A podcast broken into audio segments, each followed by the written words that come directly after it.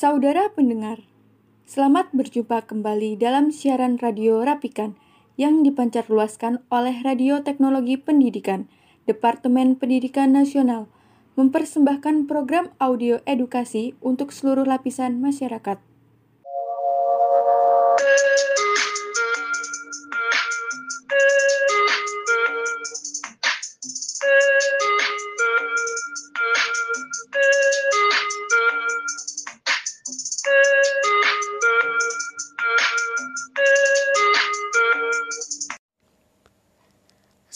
Berjumpa lagi Sobat Baris sekalian. Kita akan mempelajari peran Indonesia sebagai negara maritim dengan pokok bahasan potensi usaha perikanan di Indonesia. Pada program ini, Sobat Bahari akan mendengarkan dialog dan wawancara salah satu narasumber yang bernama Gustav Sofian Anidillah Taruna Tingkat Madya AUP Bogor dan bersama Irfan Anas Zen sebagai narator kita dan selamat mengikuti. Bahaya COVID-19 ada di mana-mana. Hindari penyebarannya saat keluar rumah dengan langkah berikut. Gunakan pakaian berlengan panjang dan juga kenakan masker. Jika batuk atau bersin, tutup dengan siku bagian dalam. Pakai tisu untuk menyentuh apa pun. Hindari penggunaan transportasi umum dan transaksi tunai.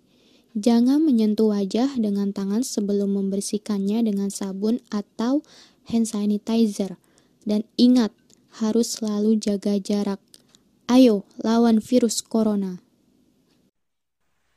Halo Sobat Bahari sekalian, sebagai negara kepulauan terbesar dengan wilayah laut yang begitu luas, terutama di sektor maritim, ini menjadi titik tumpu yang paling strategis bagi Indonesia.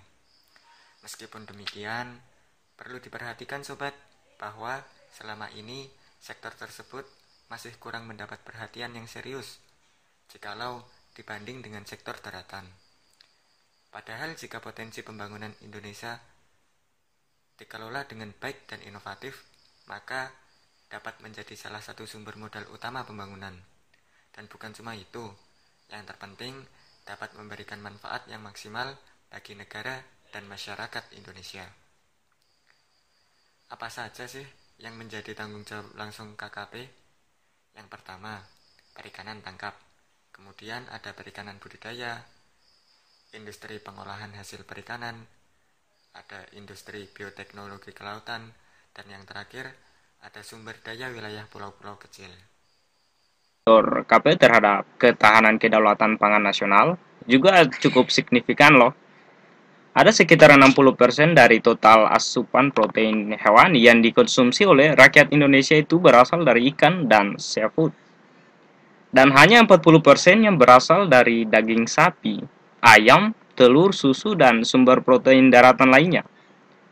Wah, perbandingannya menarik ya. Pada tahun 2014, Indonesia merupakan produsen perikanan tangkap dan perikanan budidaya terbesar kedua di dunia setelah kalah dari dari Cina. Jadi sekalipun potensi perikanan Indonesia sangat besar, namun pemanfaatannya masih rendah. Nelayan masih banyak yang miskin dan sumber daya ikannya banyak yang rusak juga. Kita mungkin tidak taat asas dalam penerapan prinsip pembangunan berkelanjutan dengan memperhatikan sunasi tata ruang. Apa itu sunasi tata ruang? Misal, yang seharusnya kawasan lindung tetapi ditabrak saja. Tidak memperhatikan pengendalian pencemaran atau malah melanggar batasan penangkapan ikan.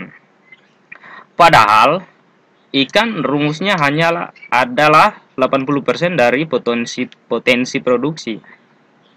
Contoh lagi, di daerah Pantura yang jumlahnya nelayannya terlalu banyak, batasan penangkapan ikan melebihi 80% dan terkesan dibiarkan saja.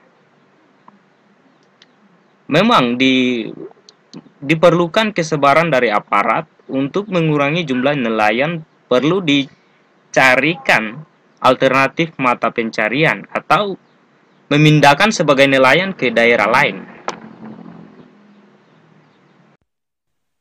Begini Pak, tadi kan Anda mengatakan potensi perikanan kita tinggi, tetapi pemanfaatannya masih rendah. Nah, bagaimana Pak memanfaatkan potensi perikanan menjadi bernilai? Bukan hanya dilihat dari jumlah volumenya saja. Tentu hal ini membutuhkan kreativitas dan pengelolaannya. Saat santai, bingung mau ngemil apa? Mau ngemil yang gurih atau mau ngemil yang renyah? Ya stik ikan balado. Stik ikan balado adalah stik yang terbuat dari ikan pilihan yang berkualitas. Rasakan gurih dan renyahnya hanya di stik ikan balado. Pertama, di negara maju, tugas nelayan atau petani budidaya ikan hanyalah difokuskan bagaimana memproduksi saja, tetapi sisi hulu dan hilirnya sudah ditanggung oleh pemerintah. Maksudnya gimana sih sisi hulu dan sisi hilir.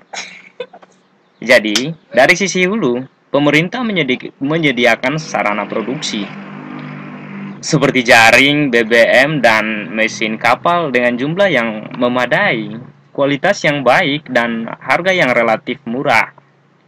Bukan berarti pemerintah yang berjualan ya, tetapi pemerintah yang mengkoordinasi, termasuk juga penyediaan kooperasi-kooperasi bagi nelayan. Kemudian dari sisi hilir harus ada jaminan pemasaran. Selama harga ikan masih jatuh bangun, kalau orang keren bilangnya fluktuatif, nelayan tidak akan keluar dari kemiskinan. Saat tidak ada ikan, harga ikan melambung tinggi, tetapi ketika panen, sontak harga ikan menjadi sangat murah. Jelas tidak ada fungsi penyangga, Sekali lagi, penyediaan sarana produksi, proses produksi, dan pemasaran seharusnya menjadi tugas pemerintah. Bukan berarti pemerintah bekerja sendiri. Tentu saja melibatkan stakeholder lainnya. Namun intinya, nelayan dan petani budidaya cukup fokus pada produksi atau bagaimana membudidayakan perikanan secara produktif, efisien, dan ramah lingkungan. Dengan wilayah perairan Indonesia yang begitu luas, terbagi menjadi 11 WPP atau Wilayah Pengelolaan Perikanan. Biasa kita sebut WPP. Nah, semua kebijakan perikanannya disamakan. Padahal kondisi dan karakteristik setiap WPP sangat berbeda. Selain itu, dengan wilayah yang sangat luas, faktor pengawasan yang menyeluruh terhadap sumber daya perikanan dan kelautan menjadi sangat penting. Jangan sampai terjadi vacuum of power. Bagaimana Pak menurut Anda?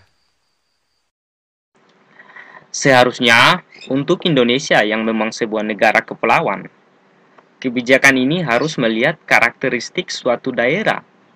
Sifat kepulauan adalah endemik, khas pulau yang satu tidak sama dengan pulau yang lain.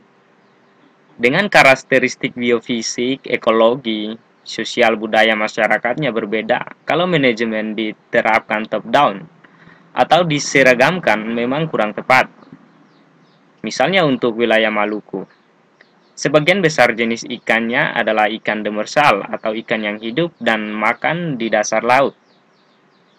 Dengan adanya larangan penggunaan pukat, nelayan terpaksa menggunakan pursein untuk menangkapnya. Dan hal itu tidak efektif jika otonomi daerah atau desentralisasi diaplikasikan untuk mengolah untuk mengelola sumber daya perikanan tangkap di Indonesia, seharusnya ada regional manajemen memulai badan pengelola, pengelola wilayah. Membangun sektor kelautan bukan hal yang mudah. Tidak seperti membangun perusahaan, membangun kelautan juga membangun sumber daya manusianya. Misalnya, mengubah kebiasaan nelayan yang sebelumnya menggunakan perahu kayu menjadi bahan fibers butuh waktu untuk menyesuaikan.